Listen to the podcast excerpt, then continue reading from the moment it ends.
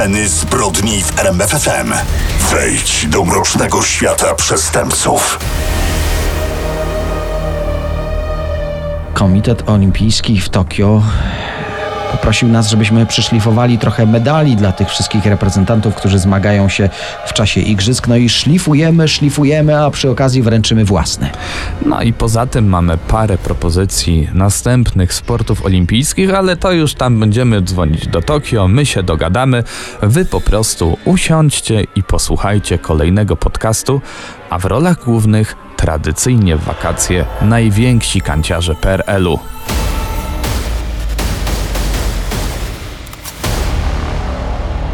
I słowem klucz będzie dzisiaj naj. Tak, zdecydowanie w rolach głównych wystąpi największy uciekinier tamtych lat, Zdzisław Najmrocki, zwany też królem złodziei. On niczym mistrz świata w rajdach WRC uciekał funkcjonariuszom policji na drogach, a w więzieniu potrafił zapaść się pod ziemię. Skoro mówimy o naj, to musi pojawić się największy fachowiec wśród fałszerzy. Konkurencja jest spora, bo polscy fachowcy uchodzą za najlepszych na świecie, ale wybraliśmy tego, który chyba najczęściej nazywany jest królem fałszerzy.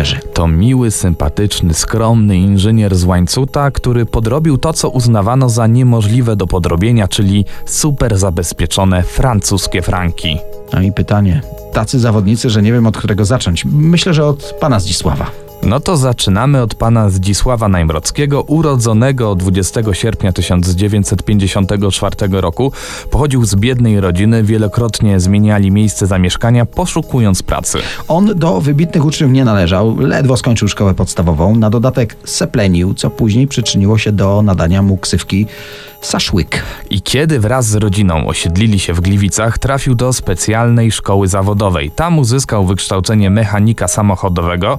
Jak się później okazało, wiedza, którą zdobył, bardzo mu się przydała w czasie późniejszych kradzieży samochodów. Zanim jednak zaczął swoją przestępczą działalność, powołano go do zasadniczej służby wojskowej. Kiedyś była obowiązkowa, więc każdego z nas to czekało. Młody, 19-letni Zdzisław wykazał się w wojsku wieloma umiejętnościami. Został na przykład dowódcą czołgu, proponowano mu nawet pracę w wojskach specjalnych. Jednak wyobrażał sobie swoją przyszłość zupełnie inaczej. Początkowo chciał zostać kierowcą rajdowym, ale spełnienie tego marzenia w PRL-u było dość trudne. Ożenił się więc i zarabiał na życie w warsztacie samochodowym w Gliwicach. Prowadził proste życie zwykłego obywatela, jednak to nie trwało tak długo. To od razu powiedzmy, że pierwszy raz trafił do aresztu, gdy miał zaledwie 22 lata. Został wtedy skazany na półtora roku więzienia za pobicie milicjanta w barze. Wyrok odsiadywał w Gliwicach. W czasie tej odsiadki pracował w więziennym warsztacie samochodowym i znowu szlifował swoje umiejętności, ale dodajmy, no długo miejsca nie zagrzał. Kilka tygodni po zamknięciu w areszcie Najmrockiego wezwano na przesłuchanie do Warszawy.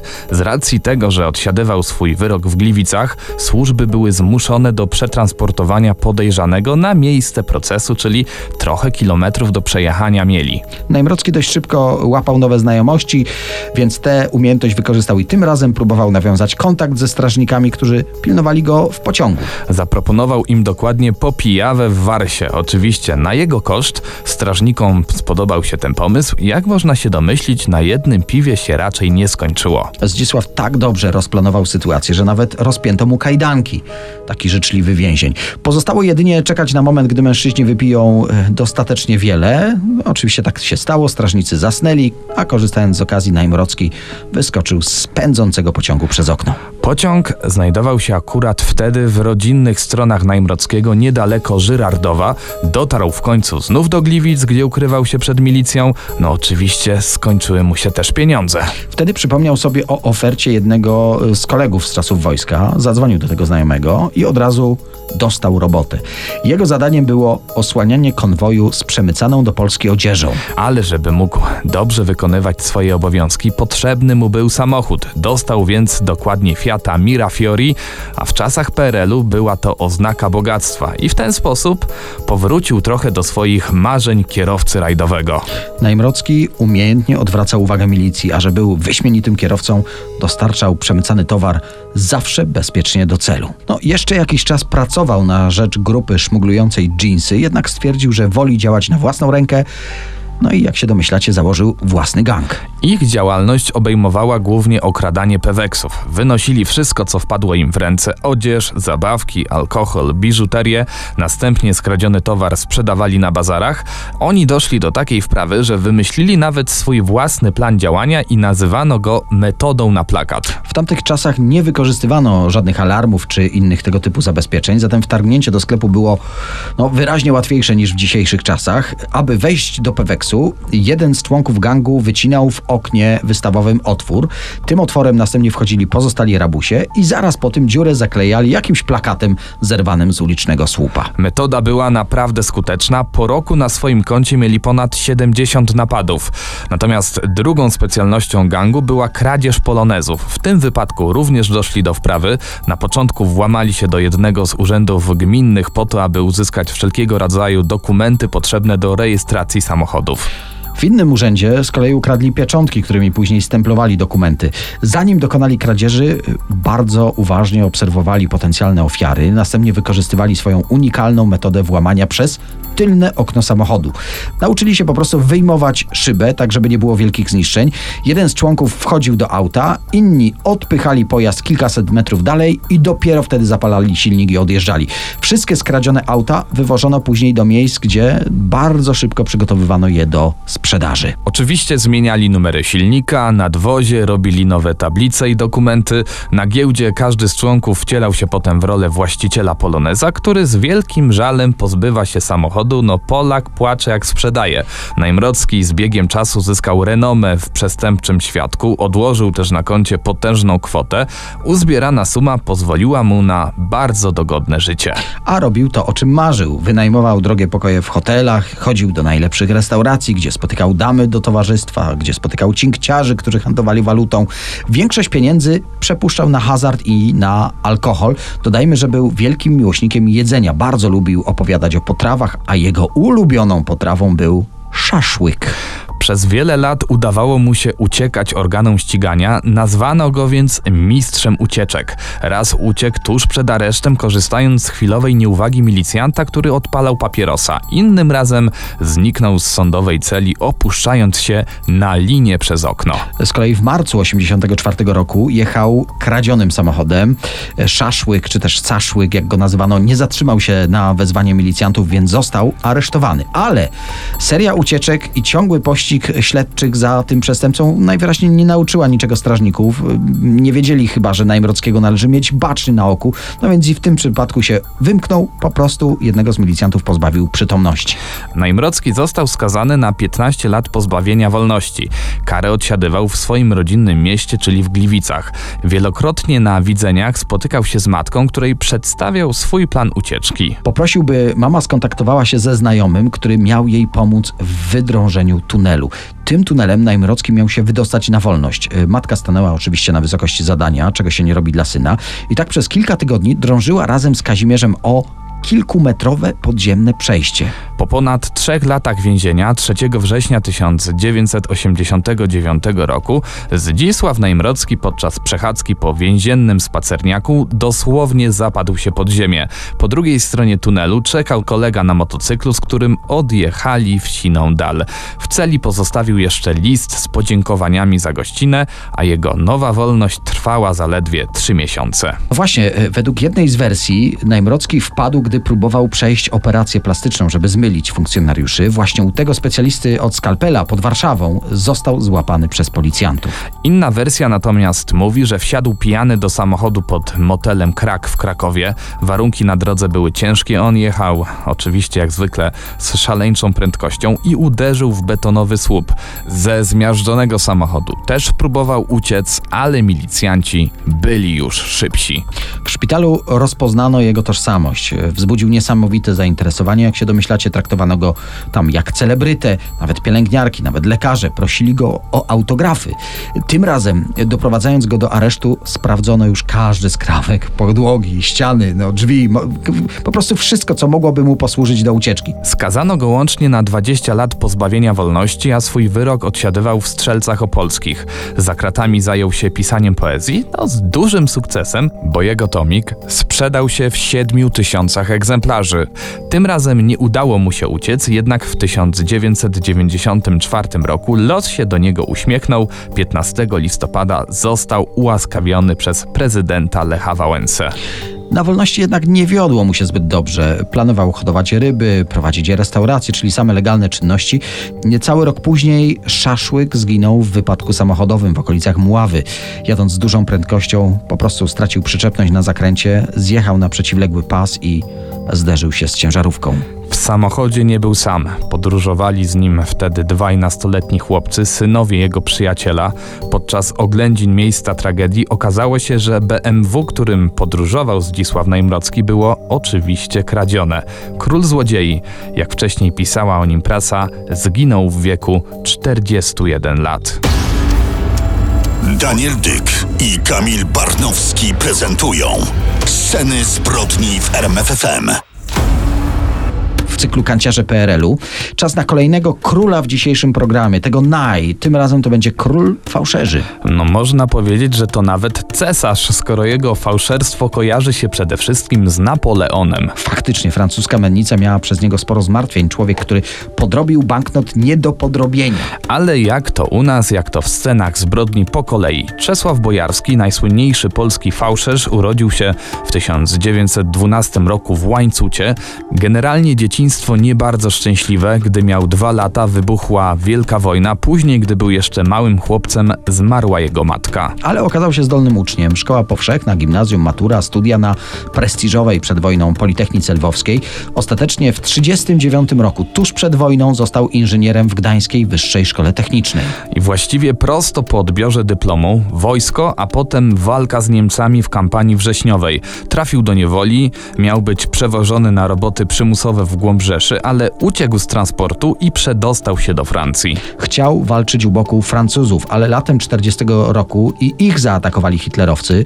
Żołnierzy polskich wtedy przeprawiono przez kanał La Manche do Anglii, ale Czesław Bojarski jednak pozostał we Francji. Osiadł na południu i zaczął wykorzystywać swoje inżynierskie zdolności. Zaczął tworzyć wynalazki, skonstruował m.in. ruchomy obrotowy fotel, zdobył jakieś patenty, ale w trakcie wojny w okupowanej Francji ludzie mieli inne potrzeby. Za to po wojnie przeniósł się do Paryża, pracował w fabryce butów, żeby mieć za co żyć, a przy okazji nadal konstruował. Stworzył wyjątkową szczoteczkę do zębów, y, swoją wersję maszynki do golenia, wynalazł ołówek z plastiku, pomysłową zatyczkę do pojemników, a jako, że rozwijała się sprzedaż elektrycznych ekspresów do kawy, wymyślił kapsułki na kawę. Wtedy też założył własną firmę, która miała produkować te wszystkie jego wynalazki, ale pomysły się nie sprzedały i firma zbankrutowała. No ale szczęście w nieszczęściu, bo zakochał się z wzajemnością we francusce Suzanne. Bogaci teściowie utrzymywali młodą parę, kupili im dom na przedmieściach Paryża, wkrótce potem urodziły im się dzieci, ale dumny Polak nie chciał żyć na utrzymaniu teściów, jego wynalazki wciąż się nie sprzedawały, a on potrzebował przecież pieniędzy. I w roku 1949 wpadł na genialny, jak mu się zdawało, pomysł, by sobie te pieniądze samemu zrobić. To właśnie wtedy opracował kolejny patent, taki bardzo prywatny, tylko dla siebie. Był to patent na maszynkę do produkcji papieru na banknoty. Ale dosłownie, wypatrzył na paryskim targowisku staroci spory, okrągły pojemnik. Trochę go jako inżynier wynalazca zmodyfikował i w ten sposób stworzył sobie w domu maszynę do produkcji masy papierowej. No i zaczął eksperymentować w poszukiwaniu gramatury, struktury papieru, która byłaby zbliżona do papieru, na którym drukowano francuską walutę. Wreszcie trafił z proporcjami. Miał papier. Postanowił podrobić, no jak mu się wydawało, najłatwiejszy y, wtedy banknot, czyli tysiąc franków z kardynałem Richelieu. Mówiliśmy wcześniej, że opatentował ołówek z plastiku. Nikt go nie chciał kupić, a tu okazało się, że świetnie przydał się samemu wynalazcy. Mocno ułatwił mu skopiowanie grafiki banknotu. Tę swoją pracownię udoskonalał, dokupował kolejne maszyny, no i oczywiście wszystkie przerabiał na swoje potrzeby. Dodajmy jeszcze, że był perfekcjonistą, a może po prostu obawiał się wpadki. Tak czy siak przygotowania zajęły mu aż około dwóch lat. Żona i dzieci były przyzwyczajone, że coś tam sobie konstruuje w tej swojej pracowni, więc mu nigdy nie przeszkadzano. W końcu linia produkcyjna przestała się mieścić na piętrze domu, Wybudował więc małą halę w ogrodzie. Czesław Bojarski uznał w końcu, że jego banknot wygląda przyzwoicie i zaczął jeździć po kraju kupując za fałszywki no to, czego potrzebowała jego rodzina. Ostrożnie, nigdy nie upłynniał zbyt wielu podróbek w jednym miasteczku. Żona myślała, że on e, w tych miasteczkach sprzedaje te swoje wszystkie wynalazki i że wreszcie jakoś na siebie zaczęły one zarabiać. Dodatkowo ustalił sobie też limit. On nie był zachłanny, dlatego wprowadzał do obiegu maksymalnie 1500 sztuk banknotów miesięcznie, półtora miliona franków. Miał za to więcej niż godziwe życie. W 1957 roku swoją produkcję rozszerzył o wyższy nominał 5000 franków. Te banknoty wyszły mu tak perfekcyjnie, że już nie bał się nimi płacić nawet w towarzystwie rodziny, na wczasach. No, stał się mniej ostrożny. Nie wiedział, że banki francuskie wyłapały już te jego fałszywe tysiączki.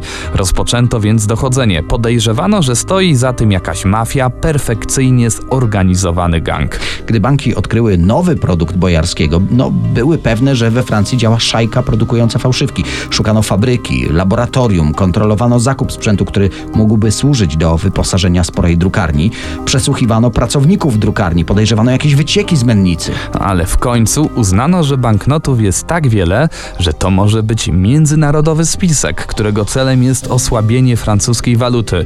Nikomu do głowy nie przyszło, że stoi za tym jeden człowiek, polski inżynier i jego fabryczka w ogródku pod Paryżem. Ale fabryczkę czekał ogromny problem. Rząd Francji wprowadził do obiegu zupełnie nowe, super zabezpieczone banknoty. I o tym za moment. No, w naszym cyklu najwięksi kanciarze PRL-u, a teraz opowiadamy o największym fałszerzu w historii, czyli Czesławie Bojarskim. To jest ten, który podrobił to, czego podrobić się nie dało. Tak o tym pisały później gazety. Genialny fałszerz banknotów, emigrant z Polski w Paryżu. W naszej historii jest teraz rok 1960. Czesław Bojarski już tyle odłożył, że postanowił wybudować dom marzeń dla jego żony. Kupił ziemię, osobiście ten dom zaprojektował i osobiście pilnował jego budowy. A przy okazji wśród ścian udało się ukryć tajne pomieszczenie na jego prywatną mennicę. Potrzebował doskonalszej fabryczki, bo właśnie w tym samym roku rząd francuski postanowił załatwić problem zalewania francuskich sklepów fałszywymi banknotami. Postanowiono przeprowadzić denominację, a przy okazji nowe banknoty miały wyjątkowo wiele zabezpieczeń, m.in. znak wodny. Minister finansów z dumą mówił o nowych pieniądzach nie do podrobienia, ale dla polskiego inżyniera to było po prostu nowe wyzwanie. Czesław Bojarski zmodyfikował linię produkcyjną, wzbogacił ją o maszynę do postarzania banknotów, przerobił po prostu elektryczny mikser według własnego pomysłu i wrzucał do niego kurz, który zbierał w kościołach.